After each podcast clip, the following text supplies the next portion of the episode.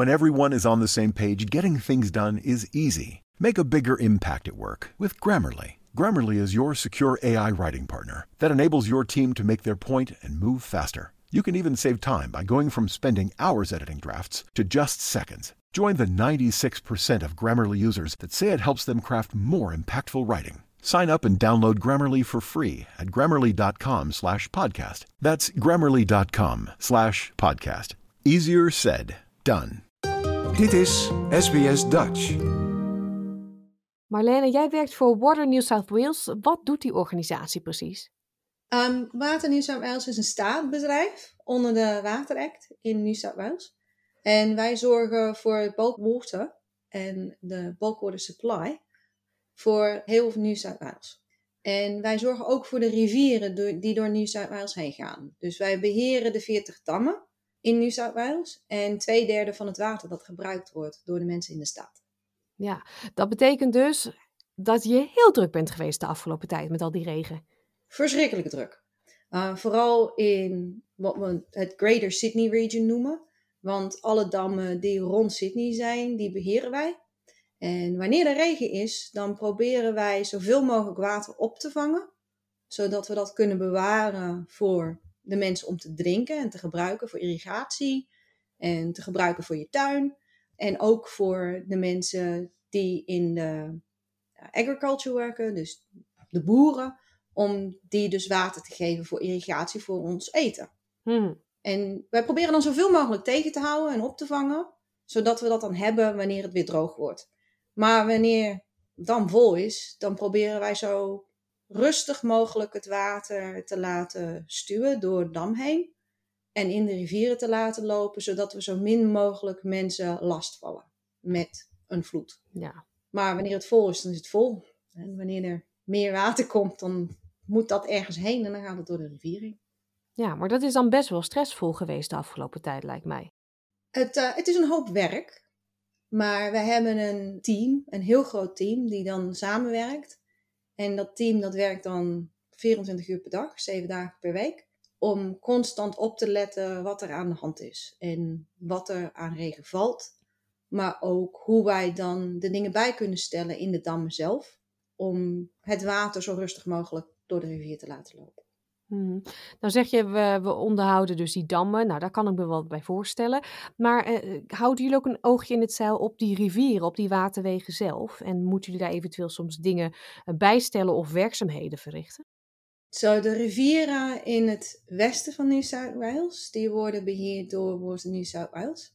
En het heeft vooral te maken met waar het water naartoe gaat. Dus wij hebben rivieren met sluizen en met weers waar wij dan het water naar een andere kant op kunnen sturen. Dus als er te veel water ergens naartoe gaat, dan kunnen we eventueel een zijtak bijnemen of dat naar, dan naar een boer toesturen die een dam heeft. Um, over het algemeen, waar het op neerkomt, is de boeren die bestellen water bij ons en dan sturen wij dat door de rivier heen. In Sydney, dus de, de Hawkesbury Nepean en de Georges River, die hebben weinig van dat soort mechanismen in de rivier zelf. Het heeft vooral te maken met het water in de dam. Ja, nou um, is het leuk dat we hierover hebben, want jij hebt ook een Nederlandse achtergrond, dat is wel duidelijk te horen natuurlijk. Um, Nederland en Australië, ze hebben altijd allebei een beetje strijd met dat water. Hè?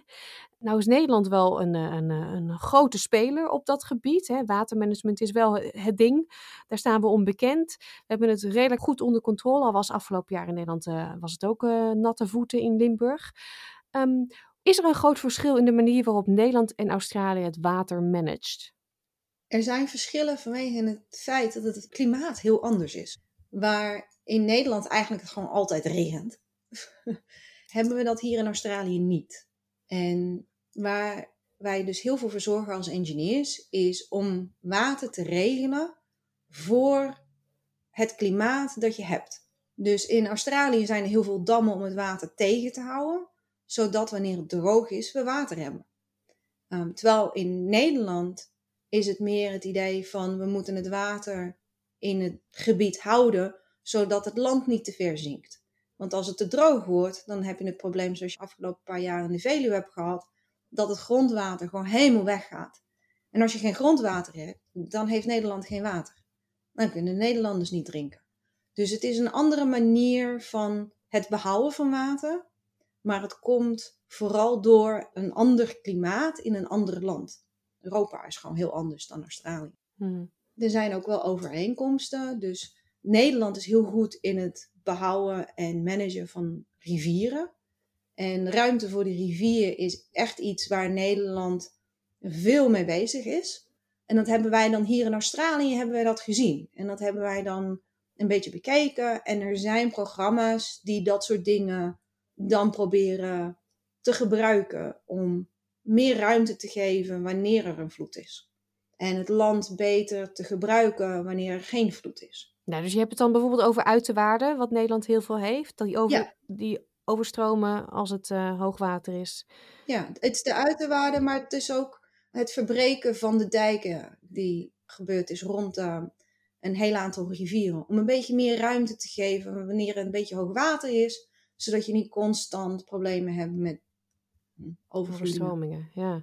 Nu hebben we de afgelopen tijd, hè, laten we het nog even bij South Wales houden, daar werk jij eh, overigens ook. Ehm, bijvoorbeeld Lismore, dat is natuurlijk een stad wat ehm, vorig jaar eh, onder water heeft gestaan. Eh, de regio's natuurlijk. Dit jaar weer, twee keer zelfs kort achter elkaar. Ja. Als Nederlander denk ik dan, hè, waarom gebeurt daar nou niks mee? Waarom wordt er niet iets gedaan? Het probleem met regen in Australië is dat het heel dicht bij elkaar komt. En Australië is eigenlijk het land van droogte en vloed. We hebben echt een, een cycle van heel lang droogte en geen water. En dan heel veel water. Allemaal op een hoopje. We hebben het dan over wat ze dan techniek noemen, noemen ze dat recurrence intervals. Maar waar het op neerkomt, als jij een 1 in 100 chance hebt, dus 1 in een 100 kans hebt om onder water te lopen, dan is dat eigenlijk wel een hele goede kans om te hebben. Dus als jij een ticket koopt voor de lottery, staatsloterij, loterij, noem het maar. En ik zeg tegen jou dat jij een kans hebt op 1 op een 100 om die loterij te winnen. Vandaag. En morgen weer. En morgen weer. En morgen weer. Dan zou je toch hebben van ja, dat is toch eigenlijk wel een hele goede kans. Dat zou ik wel graag willen hebben. Hm. Nou, het is hetzelfde met de vloed. Als je een huis koopt in een 1 op een 100 kans dat je onder water loopt, dan is dat elke dag zo. Het heeft niks te maken met de vloed die gisteren gebeurde. Het is vandaag de kans dat je 1 op een 100 hebt. En morgen een 1 op een 100. Nou, Lismore heeft geloof ik een 1 op 500 gehad. Dus de, de kans is een beetje kleiner dat je een hebt, maar dat is nog steeds veel beter dan een 1 op een miljoen voor een staatsloterijplotje. Ja. Nou, er zijn dingen aan te doen en er zijn in de planning legislation zijn er een hele hoop mogelijkheden. En ik weet dat de regering het een en ander heeft om dat te kunnen gebruiken. En ze werken daar naartoe. En dat is op een moment zit dat in de politiek. En daar kan ik niet veel over zeggen, want het is niet mijn specialiteit. Nee, dat wordt natuurlijk dan ook een beetje tricky. Dat snap ik ook. Ehm, jij hebt kennis van beide landen, Nederland en Australië. Heb jij wel eens gezegd, jongens, ga eens even met die Nederlanders praten? Of gebeurt dat ook wel achter de schermen? Dat gebeurt heel veel achter de schermen. Um, in Melbourne hebben ze in de jaren 90, 2000 zijn ze begonnen met wat we noemen water sensitive urban design. En dat is ontstaan hier in Australië om beter om te gaan met de stormwater van gebouwde gebieden. En om dat regenwater op te vangen en een beetje meer schoon te maken voordat dan in rivieren terechtkomt. Vooral gedurende periodes van droogte is dat heel belangrijk. Want bebouwde gebieden hebben heel veel uh, stoffen die op de straat liggen en op je dak liggen, die je eigenlijk niet in de rivier wil hebben. Dus die zijn ermee begonnen en die hebben dat allemaal ontworpen. En er zijn allemaal ideeën en methodes ontwikkeld om dat dan maar beter te beheren. Nou hebben ze dat opgepakt in Nederland.